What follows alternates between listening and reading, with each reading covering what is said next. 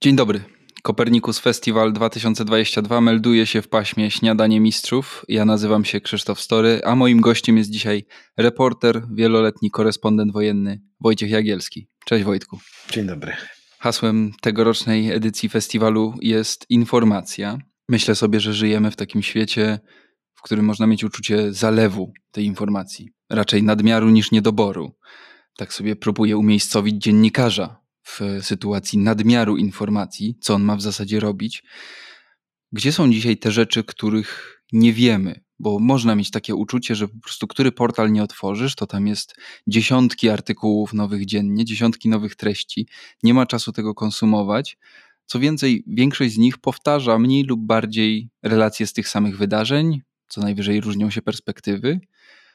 Gdzie są dzisiaj te rzeczy, których nie wiemy, do których dopiero reporter musi dotrzeć? Reporter zawsze zajmował się raczej drążeniem, pogłębianiem tej pierwszej wieści, która przychodziła, że coś gdzieś się, coś dramatycznego, złego czy dobrego zdarzyło. Najpierw zajmował się tą sprawą Depeszowiec, który pisał o tym tych kilka najważniejszych zdań, odpowiadał na te pierwsze podstawowe pytania, a reporter przyjeżdżał jako ten kolejny dziennikarz, e, jeżeli redakcja albo on sam uznał, że trzeba tę sprawę naświetlić w taki czy inny, inny sposób, nada jej, nadać jej ludzki wymiar. To była praca reportera i wydaje mi się, że nic z tej materii się nie zmieniło. Natomiast to, co mówisz, e, to rzeczywiście jest wielki problem. Jak mówisz o tym nadmiarze informacji, może o tym zalewie informacji. Zastanawiam się, kiedy było mi łatwiej pracować, bo ja zaczynałem pracę dziennikarską w świecie, w którym informacja była reglamentowana, e, kiedy jej nie było. I ponieważ jej nie było, albo była zakazana, czy też właśnie na kartki, to pojawiało się pragnienie i czy może czy nawet takie samoistne dążenie do szukania tej informacji. Ponieważ czegoś nie było, no to człowiek próbował się czegoś tam dowiedzieć, wyczytać między wierszami, dowiedzieć, do in, inne możliwości zdobywania tych informacji były wówczas. Mm, ale wciąż e, wydaje mi się, że wtedy było prościej i może klarowniej, bo łatwiej znaleźć coś na pustyni jałowej, niż e, przebrać tą nieprzebraną ilość e, strumieni informacyjnych, bo przecież zanim uznamy, że coś nie zasługuje na zaufanie, czy też jest gdzieś nieprawdziwe, czy w ogóle jest zmanipulowane, czy byle jakie, no to musimy przez to się przebić przecież. Nie możemy wyrokować po przeczytaniu jednego czy drugiego zdania, czy nawet akapitu. A ileż możemy w stanie przeczytać? E, znaczy, informacji jest tyle i rozmaitych źródeł informacji dzisiaj jest tak wiele, że gdybyśmy się chcieli rzetelnie przez nie przebić, to na pewno nie, star nie, nie, nie, nie, nie, nie starczyłoby nam czasu, żeby w jakikolwiek sposób te informacje przetrawić, bo to mało. To co mówi, że jest to setki, tysięcy źródeł informacji. Każdy z nich, każda z tych informacji zawiera w sobie jeszcze dziesiątki odniesień do, do, do kolejnych i pogubić się w takim gąszczu informacji, wydaje mi się, jest większym niebezpieczeństwem niż e, błąkanie się po tej jałowej pu, pu, pu, pustyni w poszukiwaniu jakiejkolwiek informacji, nawet jeżeli to miałby być miraż informacyjny. Wtedy wydawało mi się i, i dalej uważam, że to jest dzieło mm, prostsze było wtedy, e, czy łatwiejsze? Nie wiem, ale z całą pewnością prostsze. W tamtych czasach, e, dziś tego już chyba nie ma, ponieważ źródeł informacji jest tak wiele i każdy może sobie samodzielnie je badać, czerpać z nich, że e, już dawno żeśmy zrezygnowali e, z kogoś, kto by kto, kto by nam pomagał jako ktoś podpowiadający, rekomendujący pewne rzeczy. Uważamy, że sami jesteśmy wystarczająco mądrzy i sprytni, żeby samemu się w tym wszystkim zorientować. E, przez to zniknął zawód zaufania publicznego, takim jakim było dziennikarstwo, no bo przecież ludzie czytali artykuły pana Iksińskiego o piłce nożnej, nie tylko dlatego, że pięknie pisał, tylko po przeczytaniu dwóch, trzech, czterech artykułów uznali, że on się na tym zna i że oni mu zaufają, bo nie mają czasu na to, żeby się być fachowcem od piłki nożnej, czy to piłki nożnej, no, od dziedzin dużo bardziej skomplikowanych niż piłka nożna, czy w jakimś tam części świata i polityki, historii, czy techniki, czy, czy gospodarki. I oni za, za, zaufają tym, którzy uchodzą za specjalistów i będą im ufać, będą im wierzyć. No i chyba, chyba, chyba coś po drodze nastąpiło, co sprawiło, że, że ta nic zaufania gdzieś została zerwana. Czy to po naszej stronie dziennikarzy była wina, czy też e, nasi czytelnicy dotychczasowi zostali uwiedzeni e, no, tą pokusą właśnie instrumentów samodzielnego badania rzeczywistości i komunikowania się. Które tak naprawdę samodzielne do końca nie są, bo częściowo odpowiadają za to jakieś algorytmy, które podpowiadają nam te treści. Oczywiście, ale dają taką, taką ułudę, takie przekonanie, że jeżeli sam będę sprawdzał, to mam może niepewność, no, wiarę w to, że nie dam się nikomu oszukać, że nie, nie, dam się nikomu zmanipulować. Ta nieufność z kolei, która zastąpiła ufność, jest też pewnie jakimś sygnałem, który wiąże się z tym e, informacyjnym biznesem, e, który żeśmy jako dziennikarze uprawiali. Wydaje mi się, że, że, że powinniśmy się też mocno uderzyć w piersi, że, że po naszej stronie pewnie były, było wiele niedociągnięć albo rzeczy, które nie powinny mieć miejsca. Ale z drugiej strony sądzę, że ci czytelnicy, słuchacze i widzowie, którzy uznali, że nie będą tam tracić czasu na wymądrzania się jakichś fachowców czy, czy, czy, czy znawców, że sami sobie z tym wszystkim poradzą, jeżeli już się o tym nie przekonali, że, że nie jest to takie proste, to, to wszystko jest przed nimi i rychło się przekonają, że, że nie da się jednak na wszystkim znać. Nie każdy statek da się prowadzić bez nawigatora, na pewno jest to łatwiejsze. Tak sobie myślę o Twojej pracy lat temu, dziesiąt, że to było w pewnym sensie prostsze, że jechał Jagielski i cały kraj czy jakaś jego część czekała na to, co ten Jagielski im powie, żeby się dowiedzieć. A dzisiaj każdy, y, na każdy temat jesteśmy w stanie czegoś dowiedzieć się w przeciągu trzech minut, otwierając telefon. E, czegoś, to jest dobre słowo. Pytanie o jakość, ale ty mówiłeś o ekspertach z konkretnej dziedziny. Ty sobie wyznaczyłeś, jak mówiłeś kiedyś, strefę zainteresowań, pewien, region w którym można było ci ufać, e, w którym czytelnicy ci ufali, e, to była spora część Afryki, spora część Azji, zwłaszcza tej środkowej. Przypadek czy realizacja celowej fascynacji tymi rejonami świata? Dlaczego nie Ameryka Południowa? No bo nie mówiłem po hiszpańsku. Bardzo żałuję, że się nie nauczyłem hiszpańskiego, bo wydaje mi się, i wtedy byłem też przekonany, że tak charakterologicznie, osobowościowo to to powinien być mój kontynent. I rewolucja, i piłka nożna, i muzyka, Powinienem tamtym się zajmować, ale jak się nie, nie mówi po hiszpańsku, no to trudno zajmować się regionami i ludźmi, gdzie mówią wyłącznie po hiszpańsku albo po portugalsku. No moją pierwszą zupełnie taką, nie wiem skąd ona się wzięła, ale tą, tą, tą pasją była Afryka. Nie mam bladego pojęcia, dlaczego Afryka. To musi być jak jakieś zdarzenie z wczesnego dzieciństwa, jakaś bajka opowiedziana albo obejrzana na przeźroczach wyświetlanych przez dziadka. W każdym razie ta Afryka się za mną błąkała. Podobno w dzieciństwie opowiadałem, jak to będę podróżował do Afryki, kogo ze sobą zabiorę, a kogo nie. E, natomiast już świadomie zająłem się Afryką na studiach, bo chodziłem na zajęcia i na nauki polityczne, jednocześnie na afrykanistykę. I z takim mocnym postanowieniem, że będę się zajmował Afryką, szukałem też pracy. Wylądowałem w końcu, bo trafia, szukałem pracy w rozmaitych instytucjach, które miały w nazwie zagraniczny albo międzynarodowy. I wylądowałem w redakcji zagranicznej Polskiej Agencji Prasowej. I e, zaczęliśmy od informacji. I chyba to właśnie pierwszy mój kontakt z informacją natychmiast uczynił ze mnie dziennikarza. Ja stałem się dziennikarzem w tej jednej chwili. To był poranny dyżur, e, na który przyszedłem jako stażysta i stanąłem przed. Moim zadaniem było zrywanie taśmy z dalekopisów proste i dzielenie tych kawałków porwanych papieru na, na, na, na, na odpowiednie sterty.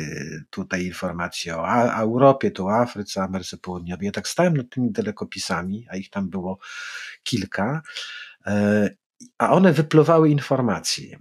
I pojawiało się pierwsze zdanie, że minister spraw zagranicznych Salwadoru, później chwila przerwy, później znów pojechał z oficjalną wizytą do Kostaryki. Tam i ja miałem wrażenie, że historia dzieje się na moich oczach.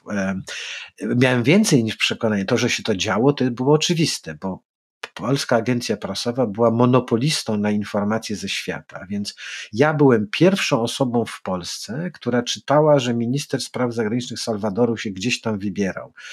Bo tak sobie myślałem, że gdybym ja tę informację zmiął w kulkę i wyrzucił na, do śmieci, a nie położył na tej stacji, to nikt poza mną w Polsce by się nie wiedział, że ten, nie wiedział, że ten minister Salwadoru właśnie się wybrał z wizytą do Kostaryki. Okej, okay, sprawa może nieważna, ale ja byłbym jedyny, który miał do tego dostęp. To był początek dla mnie czegoś, co było w dziennikarstwie najcenniejsze i najważniejsze dla mnie. E, być świadkiem tego, co się opisuje, naocznym świadkiem.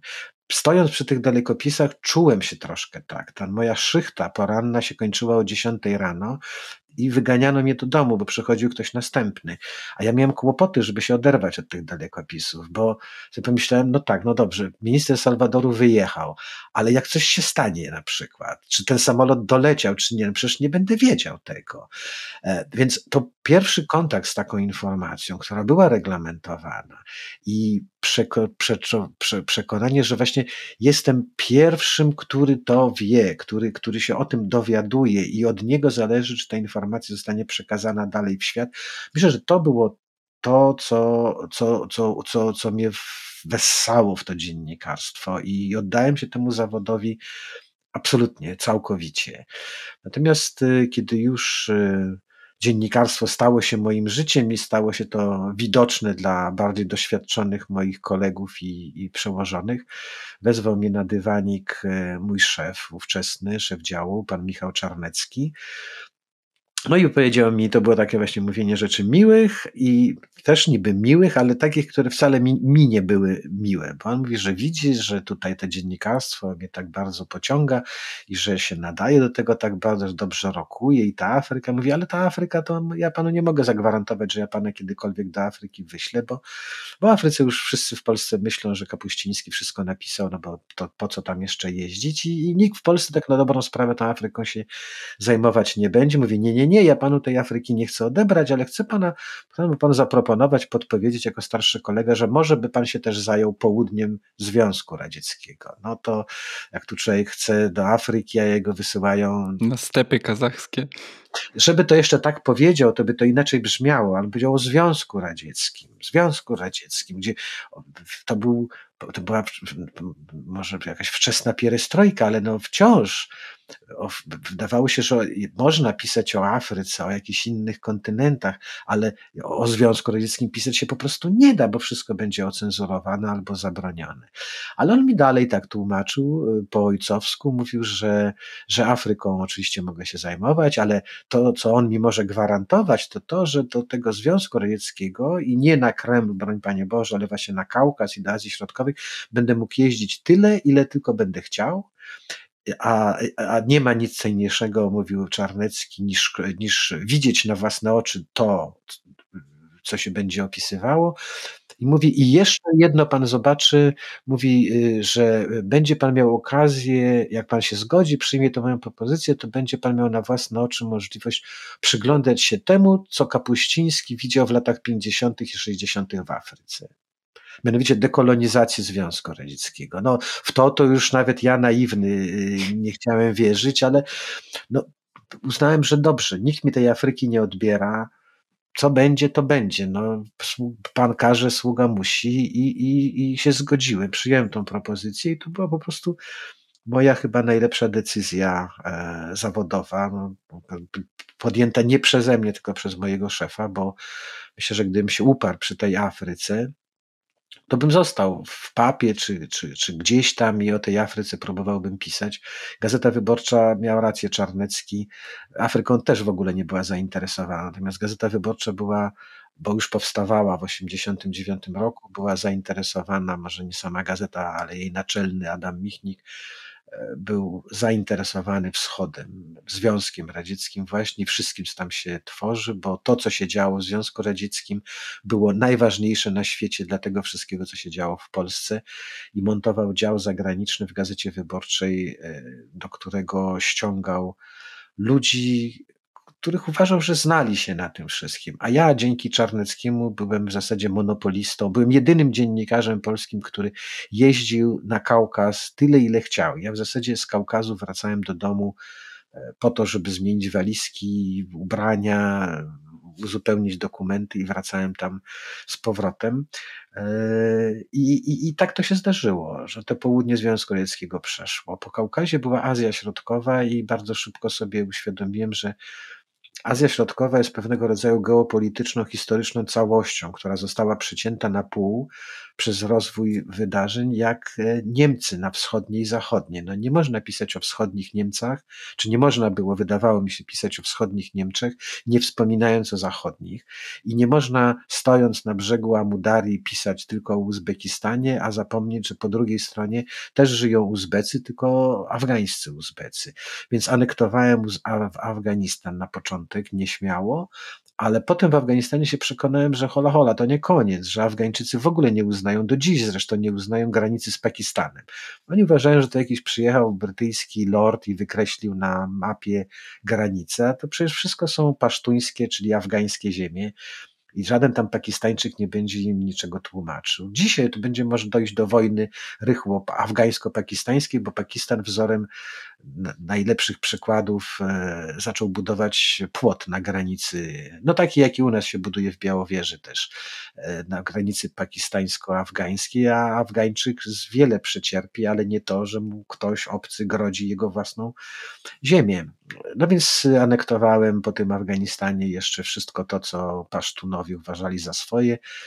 I na koniec już to był akt odwagi, też włączyłem Kaszmir w tą moją strefę wpływów. I tak powstał taki dosyć obszerny teren łowczy. E, z jednej strony Azja, no, Gruzini czy Ormianie by się obrazili, jakby powiedzieli, że to jest Azja, no więc te, te przedmurze europejsko-azjatyckie, więc południowy Kaukaz, a potem Azja Środkowa, no i Afryka, która, która się okazało, że wróciła do ciebie. Dzięki temu Kaukazowi i Afganistanom odważono się mnie też w Gazecie Wyborczej wysłać do Afryki w końcu. Skrócona historia podbojów i aneksji Wojciecha tak. Jagielskiego.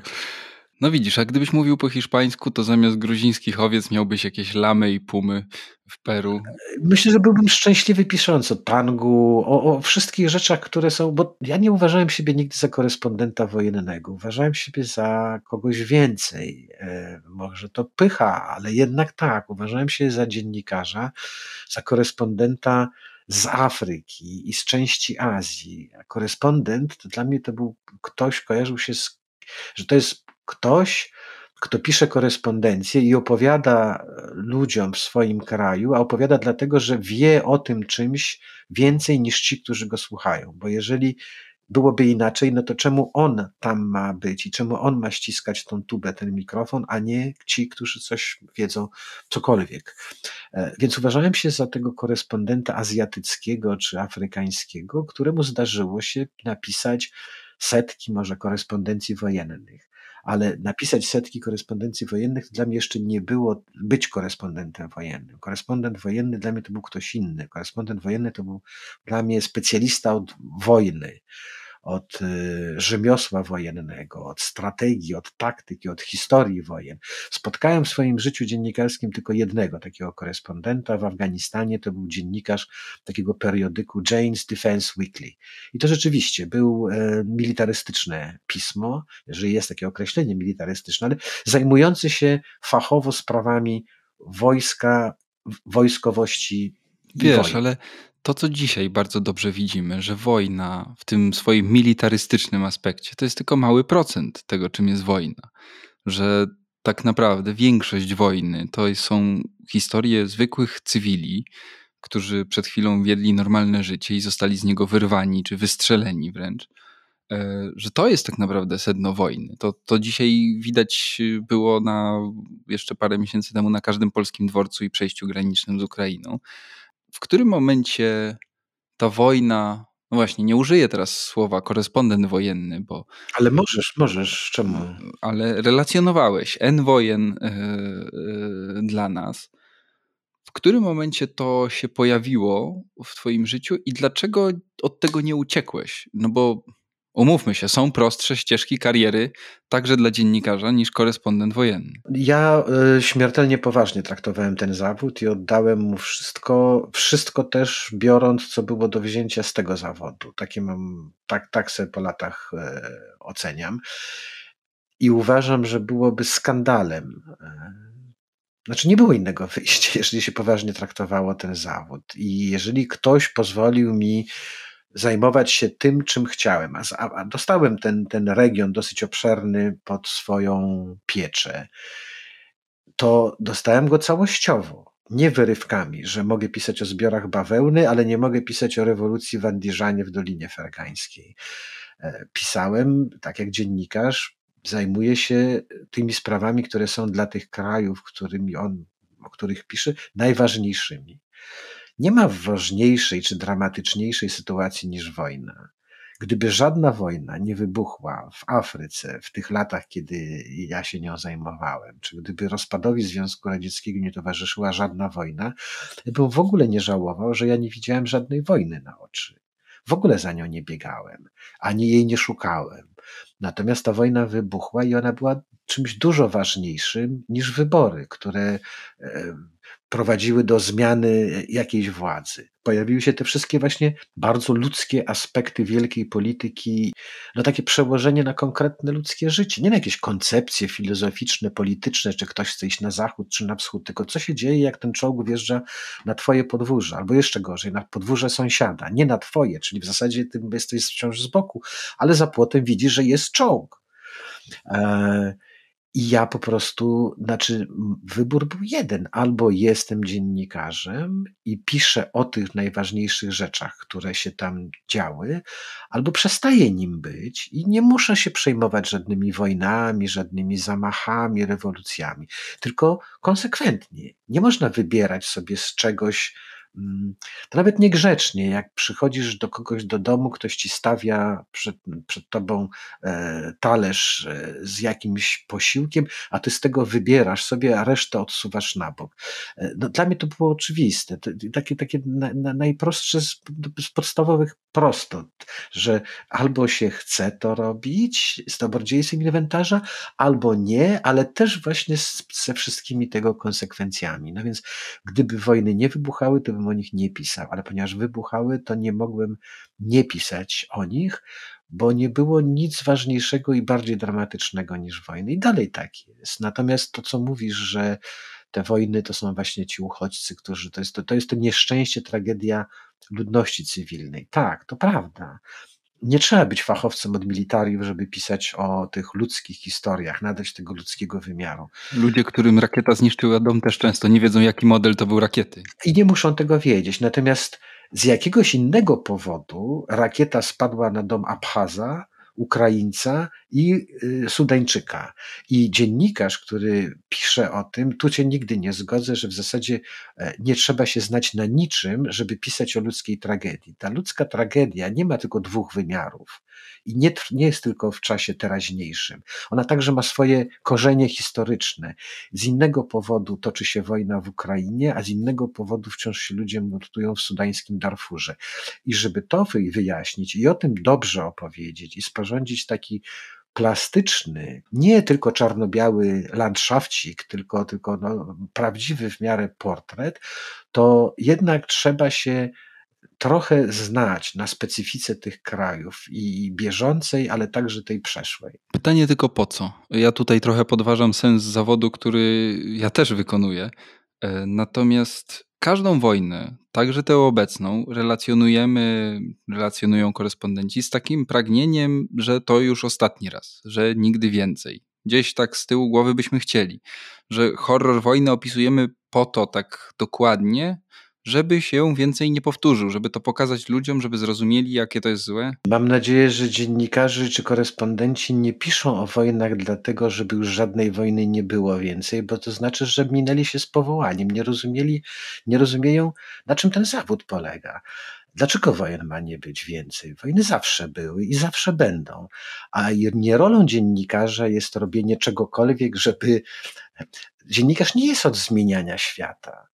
Zawsze rozumiałem ten zawód, że on polega na tym, żeby dostarczać ludziom, odbiorcom tej, tej mojej profesji, jak najwięcej informacji, e, z których oni poukładają sobie obraz tego świata. Dobry czy zły, czy on im będzie pasował, czy nie będzie pasował, to już jest inna sprawa, ale nie jest moją rolą pouczanie tych moich czytelników, mówienie, to jest niedobre, to nie jest.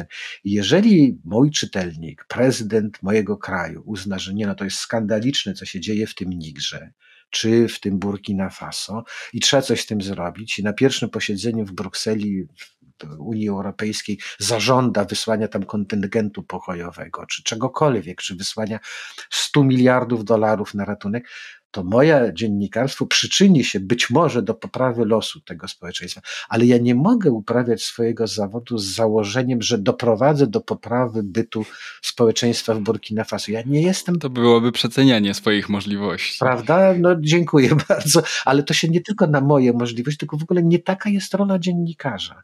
Ja nigdy tak nie rozumiałem i, i, i też tego pisania ja rozumiem emocje. Trudno, żeby tych emocji nie było, ale podchodzenie do, do tego zawodu, że chcę, żeby moja korespondencja powstrzymała to, to, to nieszczęście, te okropieństwa, które tam się dzieje. Dobrze, to jest moja prywatna, szlachetna myśl. Dziecinna, może nieco naiwna, może lepiej się z nią skryć, niż ją otwarcie głosić, e, zwłaszcza, żeby się e, patować swoją szlachetnością. Ale to nie jest moja rola. Ja mogę nie chcieć, żeby były wojny, ale one, ale one tak jak nie, nie lubię zimna, nie lubię paskudnej pogody, ale ona jest i będzie. Jest część natury ludzkiej dziejów ludzkich wojny i myślę, że tego się nigdy nie pozbędziemy. Co do wyborów takich osobistych, sens pracy można rozumieć różnie, ale tutaj jesteśmy, patrząc też na Twoją historię zawodową, jesteśmy w świecie bardzo wysokich stawek. To znaczy jedziesz i ryzykujesz życie. Bardzo często tak bywało, bardzo często byłeś w różnych niebezpiecznych sytuacjach. E, o części z nich zresztą rozmawialiśmy w podcaście mm, Tygodnika Powszechnego Strona Świata, gdzie można nas usłyszeć co dwa tygodnie. Polecamy się, ale ryzykujesz swoje zdrowie i życie po to, żeby człowiek w Polsce dowiedział się o tym, że na przykład właśnie między Afganistanem a Pakistanem trwa wojna, że ona jakoś przebiega. Z jednej strony stawka jest bardzo wysoka, a z drugiej, wiesz, po co ten polski czytelnik ma tak naprawdę mieć w swoim obrazie świata wojnę w Burkina Faso, wojnę w Sudanie, yy, losy pasterzy w Gruzji, yy, czy wysychanie jeziora Alarskiego? Mnie to zupełnie nie obchodzi, czy on będzie miał ten obraz, czy nie będzie miał tego obrazu. To jest mój zawód. E, I ten zawód, jeżeli mam go wykonywać, to, to chcę go wykonywać możliwie doskonale dla samego siebie. Czyli ty nie myślisz perspektywą czytelnika? Myślę, ale ja myślę perspektywą tych, tej garstki czytelników, która jest tym zainteresowana i która sięga, czy sięgała do gazety wyborczej e, i sprawdzała, czy jest coś z, z Afganistanu, czy z Pakistanu. Natomiast nigdy nie myślałem w ten sposób, że ja, proszę Państwa, tutaj teraz zaryzykuję życie, ale przynajmniej masy się dowiedzą o tym nieszczęściu, jakie spotkało biednych Pasztunów, Gruzinów czy Kirgizów. Nie, e, to jest zawód, który mogłem wykonywać albo nie. I tak jak z każdym zawodem, może być może jestem maksymalistą, może to nie jest nic dobrego, ale z drugiej strony to przynajmniej nie tyle, że przed minimalizmem mnie chroniło, ale przez takim bylejactwem. Satysfakcję, którą czerpałem i którą dzisiaj czerpię z faktu, z myśli o tym, że ten, ja w jaki sposób ten zawód wykonywałem, no właśnie e, ona się brała z tego, z tego maksymalizmu. Z pójścia na całość. To też może złe określenie, bo pójście na całość to mi się kojarzy z takim ryzykanstwem z taką brawurą, a ja nie byłem e, zwolennikiem brawury i raczej, e, i to nie mogę mówić tylko o sobie, tylko wykonywałem ten zawód w duecie z Krzysztofem Millerem, fotoreporterem w większości przypadków i zawsze raczej uważaliśmy siebie za wyznawców, znaczy na całą pewnością nie byliśmy wyznawcami brawury, a raczej byliśmy takimi no może nie asekurantami, ale bardzo ważyliśmy ryzyko. I, I, nigdy nie, nie, nie, nie no było, uważaliśmy, i myślę, że to nie tylko my, za skrajną głupotę. E, podejmowanie ryzyka tylko dla ryzyka, albo dla jakiegoś efektu, dla efekciarstwa. No to było też sprzeczne z tym z dziennikarstwem, bo po co ryzykować nadmiernie, skoro Dziennikarza sukces polega na tym, kiedy przysyła do redakcji korespondencję, relacje. Znaczy musi gdzieś pojechać, coś zobaczyć, jeszcze wrócić, opisać i nadać. Jeżeli gdzieś po drodze któryś z tych elementów przepadnie, no to, to porażką była cała misja korespondencka. Więc y, tak do tego podchodziłem. To było nie, to nie był egoizm i, i, i odwracanie się plecami. Nie, to, to nie mogę powiedzieć, że mnie w ogóle nie obchodziło. Przecież robiłem to dla kogoś. Napisałem nie dla siebie, bo bez, bez sensu. Pisałem do gazety, a gazetę kupowali ludzie, którzy to czytali. Ale po pierwsze nie miałem przekonania nigdy, ani żadnej naiwnej wiary, że oto cały świat się będzie zaczytywał e, losami Gruzinów, Afgańczyków, czy, czy, czy no, tych moich podopiecznych krajów ale być może kogoś to zainteresuje. Więc starałem się pisać tak, żeby to było w miarę fachowe i napisane e, w ten sposób, żeby zainteresowało nawet kogoś, kto pierwszy raz sięgnął po artykuł. No to, to już jest wystarczająco duże wyzwanie, żeby podchodzić do tego śmiertelnie poważnie. To nie była zabawa, to nie była przygoda. No też będąc dziennikarzem masz w rękach y, historię tych swoich bohaterów. To już jest spory ciężar, nawet już wykluczając czytelników z równania. Właśnie choćby to, że jadę rozmawiać z ludźmi, do których, dla których jestem przybyszem. I to wymusza na mnie tą kompetencję, że ja nie mogę nie znać się na tych ich krajach. Przepraszam za takie potoczne określenie, nie znać się. No ale no, wydawało mi się, że to będzie z mojej strony przejaw strasznej arogancji, e, coś strasznie niegrzecznego jak przyjadę gdzieś na koniec świata i zacznę pytać się o rzeczy oczywiste, podstawowe, że to, no, no to niemożliwe. No to, to jeżeli ja się zadałem sobie trud moja redakcja zdecydowała się na taki wydatek, żeby wysłać mi gdzieś do jakiegoś Burundi, Sudanu czy Somalii, to żebym ja dopiero tam dowiadywał się rzeczy, które można dowiedzieć się w bibliotece za rogiem. I, I, tym ludziom nie ma co zawracać głowy. I, I, dla mnie zawsze było mi to był jednym z takich milszych momentów e, w tych moich podróżach dziennikarskich, kiedy przyjeżdżałem gdzieś na Kaukaz czy do tego Afganistanu i zaskakiwałem miejscowych, że wiem coś, co im się wydawało jakąś szczegółową wiedzą, e, no, której nie oczekiwali. E, widziałem, jakim miło i ciepło się robiło w sercu, a to z kolei zwiększało moje poczucie bezpieczeństwa, bo, bo, bo ktoś, kto mnie uważał za bliższego sobie, takiemu, który no, życzliwie do niego się odnosi, to wiedziałem, że nie tylko z jego strony nie spotka mnie żadna krzywda, ale raczej będę mógł liczyć na jego pomoc. Zapytam cię jeszcze o pracę na wojnie. I tutaj mamy duży kontrast, a przynajmniej ja czuję duży kontrast y, z czasami dzisiejszymi. I tu nie mówię tylko o wojnie ukraińsko-rosyjskiej. W Twoich książkach, zwłaszcza tych starszych, ja czytam wojnę opowiadaną z obu stron, albo z, w ogóle z wielu stron, bo to nie zawsze są tylko dwie, albo prawie nigdy nie są dwie strony i czerni biel.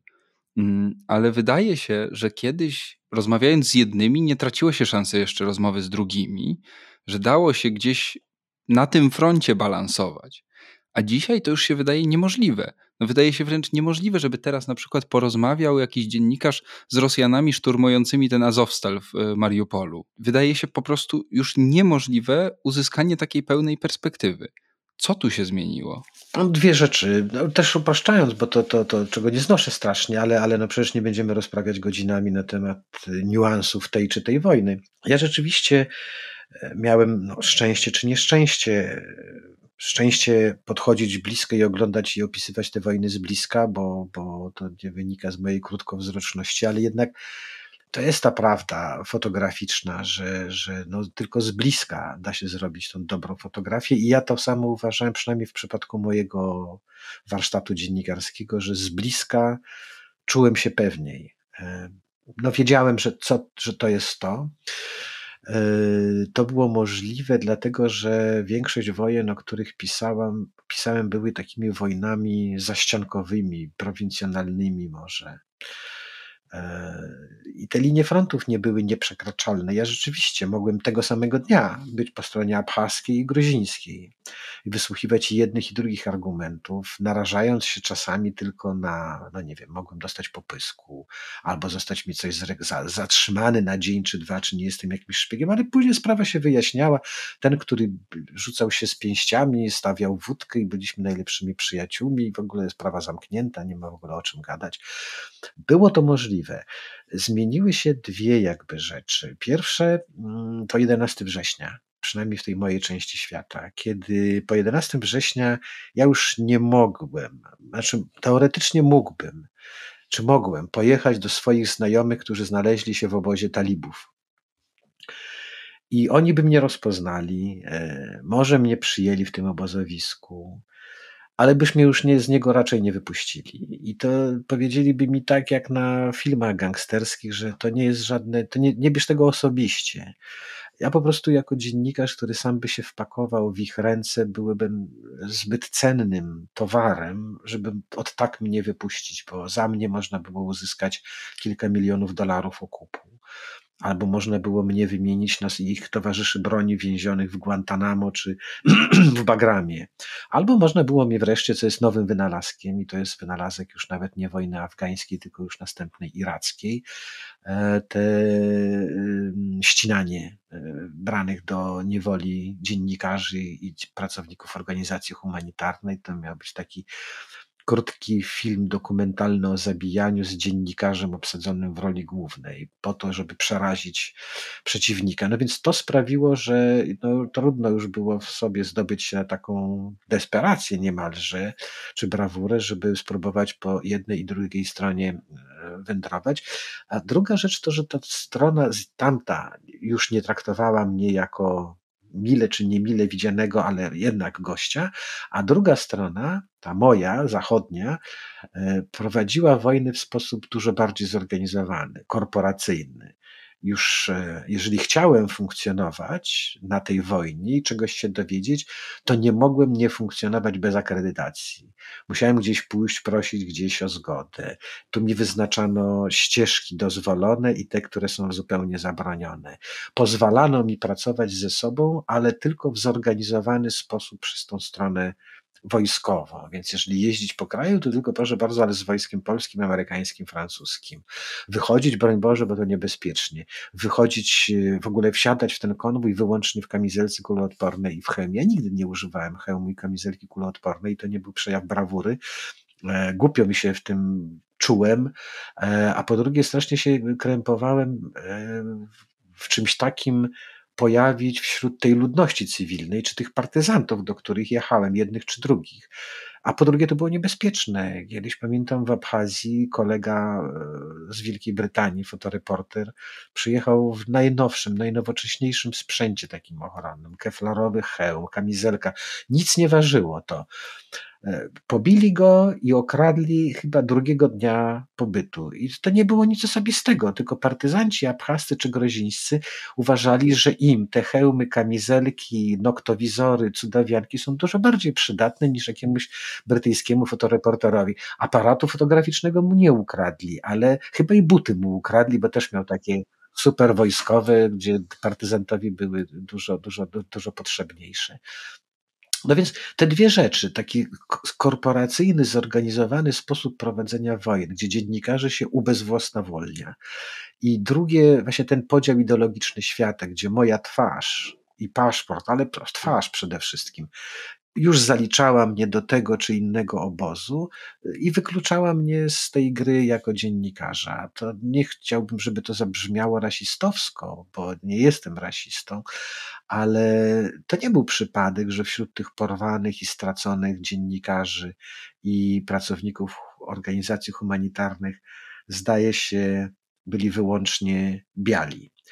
E, bo to była wojna z Białym Zachodem, a nie z jakimiś innymi częściami świata. Więc No i wojna, w której kluczową bronią był strach, do którego nie Tak. potrzeba, żeby ten dziennikarz wrócił do kraju i napisał relację, tylko po drugie przestaliśmy być potrzebni, bo wszedł y, no właśnie internet. Kiedyś y, nie musiałem się obawiać tych porwań, no bo, bo, bo rzadziej się zdarzały. Po co komu był taki tam dziennikarz? Jak się z takiego Afganistanu skontaktować z Gazetą Wyborczą w Warszawie? Jak ją znaleźć? Ale jak się pojawił internet i każdy partyzant miał w ręku tego smartfona czy jakiś inny telefon komórkowy, on sprawdzać mógł już na bieżąco.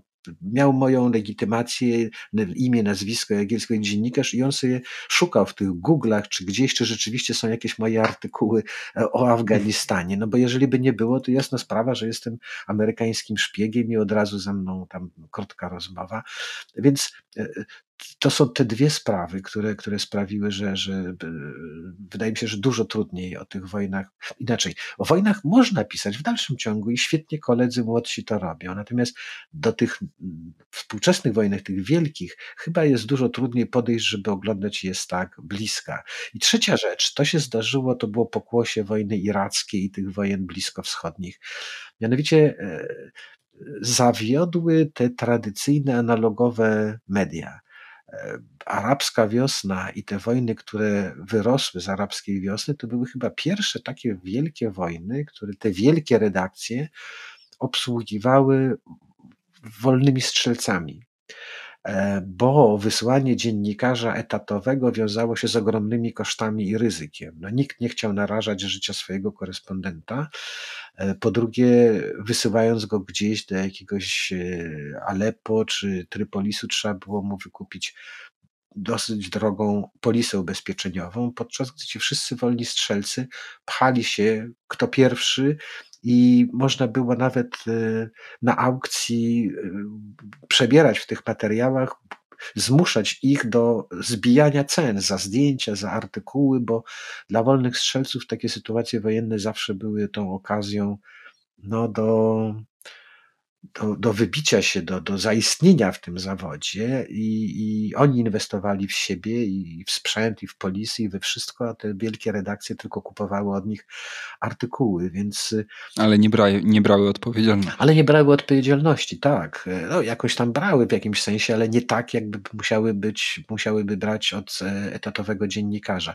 Więc te trzy rzeczy. Ja osobiście nie miałem żadnych problemów z, z tym trzecim elementem, mianowicie z zachowaniem e, rodzimej redakcji. Gazeta Wyborcza zawsze była pod tym względem wzorowa, ale w czasach, kiedy wybuchały te e, wojny związane z wiosną arabską, E, Po pierwsze, nie była to część świata, którą ja się zajmowałem, po drugie, właśnie odchodziłem z gazety wyborczej i nie, nie, nie groziły mi wyjazdy w te części świata, ale właśnie no, te, te, te, te, ten, ten zwyczaj korzystania z wolnych strzelców i nie, że to jest złe, bo to są źli dziennikarze, są świetni dziennikarze, tylko po prostu pójście po kosztach. Rachunek ekonomiczny bywa brutalny.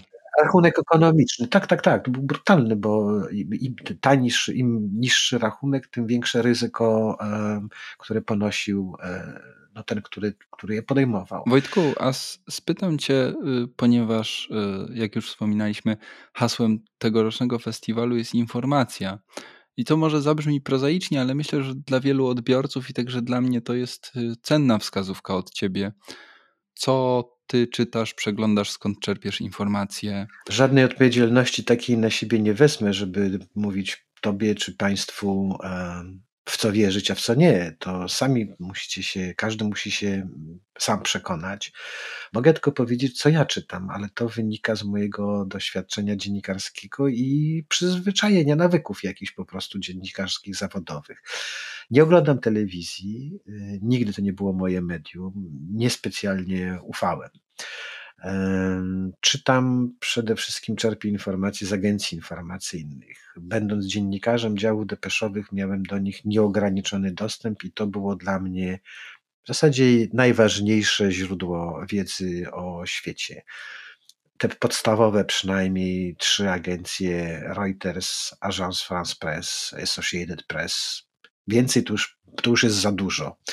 I regularnie i bardzo wiernie czytam te największe gazety. Staram się angielskojęzyczny, no bo jednak e, mój francuski jest dużo słabszy i więcej czasu by mi na to zajmowało. Po drugie, raczej no tak, to, to no on mnie też troszkę wykluczył z tej frankofońskiej części Afryki, ta nieumiejętność mówienia po francusku, więc czytam e, podstawowego Guardiana i Obserwera. To jest moja ulubiona gazeta i gdybym miał się urodzić od nowa, to bardzo bym poprosił zachodni Londyn i dobrą szkołę dziennikarską i etat w Guardianie. E, Timesa Daily Telegraph, to wszystkie brytyjskie gazety, te, te podstawowe, to, są, to, jest, to jest tradycja i świetne dziennikarstwo, standardy nieobniżane. Do nich dokładam zawsze ekonomista. To jest y, chyba najbliższe mi pismo, które Cenię oprócz fachowości także za to, że nie podpisuję pod artykułami dziennikarzy z imienia i z nazwiska.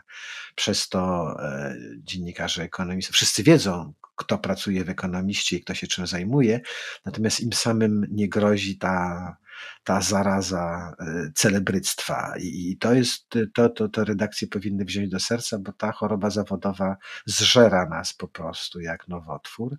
Czytuję też amerykańskie gazety, ale już tylko te dwie, New York Timesa i Washington Post. To jest dużo, bo to jest sześć, siedem gazet, trzy agencje, te serwisy na BBC oczywiście, Al Jazeera, no więc tego trochę dojdzie, to więc ta lektura codziennie zajmuje mi jakieś dwie godziny, ale staram się nie przesadzać z nadmiarem, bo wtedy już bym nie przetworzył tych informacji na nic własnego, a przecież czytam nie z wścibstwa, ani tylko z przyrodzonej ciekawości, ale także, żeby za jakiś czas no, tą zdobytą wiedzą się podzielić z czytelnikami, tym razem Tygodnika Powszechnego. I na koniec jeszcze jedno pytanie o spojrzenie na wojnę z Twojej perspektywy. Wymieniłeś tytuły szanowanych, doskonałych gazet, które są elementem starego systemu. Tej informacji, która właśnie przychodziła, bo ktoś pojechał, bo ktoś się znał, bo ktoś jest ekspertem, napisał i ktoś to wydrukował, zredagował jeszcze po drodze, poprawił literówki. A dzisiaj żyjemy w troszkę innym świecie. Świecie, w którym mogą być takie sytuacje, w których ja na przykład, siedząc w domu i mając, albo na plaży na Bahamach siedząc i mając dostęp do internetu, szybciej zorientuję się, co dzieje się w Charkowie, niż człowiek, który w tym Charkowie jest, ale nie ma tego dostępu do internetu. Czy ci korespondenci są dzisiaj jeszcze w ogóle potrzebni? Skoro mamy Twittera, skoro mamy Facebooka, Instagrama i wielu ludzi, niekoniecznie niekompetentnych, ale też kompetentnych dziennikarzy lokalnych, którzy nam to wszystko podadzą po prostu na tacy, a my musimy to tylko przetworzyć bez konieczności pojechania tam, robienia zdjęć na miejscu, skoro możemy polegać na nich. Uważam absolutnie, że są potrzebni. Być może ich rola jest, nieco się zmienia, tak jak się zmienia świat, jak się zmieniają media. Natomiast nie wierzę w ten strumień informacji, który ja niby miałbym śledzić na bieżąco, bo w, no nie po to żyję, żeby być przykuty do ekranu komputera, telewizora, czy broń Panie Boże telefonu i śledzić na bieżąco, co się zdarzyło w Charkowie. Pierwsza informacja, że coś wybuchło, za chwilkę e, druga, kolejna, która mi to wyjaśni, za pięć minut się okaże, że to wszystko nie było w Charkowie, tylko 10 kilometrów obok. Wolę, potrzebuję syntezy a nie śledzenia. Oczywiście, każdy szuka tego, co potrzebuje, i kto inny będzie potrzebował właśnie relacji na bieżąco co 15 minut. Znajdzie tego rodzaju media. Natomiast dla mnie, oprócz tego e, śledzenia czegoś na bieżąco, cenię sobie w dziennikarstwie tą syntezę, który mi powie, potrzebuję wiedzy, że wybuchła bomba w meczecie w Bagdadzie, ale potrzebuję też e, wiedzy, co z tego wynika. I ta druga rzecz jest dla mnie cenniejsza i ważniejsza, bo tragedia, która jest sprowadzona tylko do statystyki, ma znaczenie tylko chwilę e, i umknie naszej uwadze. A w tym dziennikarstwie, i to jest rola korespondenta, nawet żeby mówili, dzisiaj opowiadali nie co się wydarzyło, ale jakie to ma znaczenie. E, to wymaga od nich kompetencji, a ja uważam, że dziennikarstwo to nie jest hobby i nie czyni nas dziennikarzem umiejętność czytania i składania liter na, na piśmie, e, tylko e, to jest zawód, który ma pewnego rodzaju, każdy, jak każdy inny zawód, ma, ma, ma wymagania, które trzeba spełniać.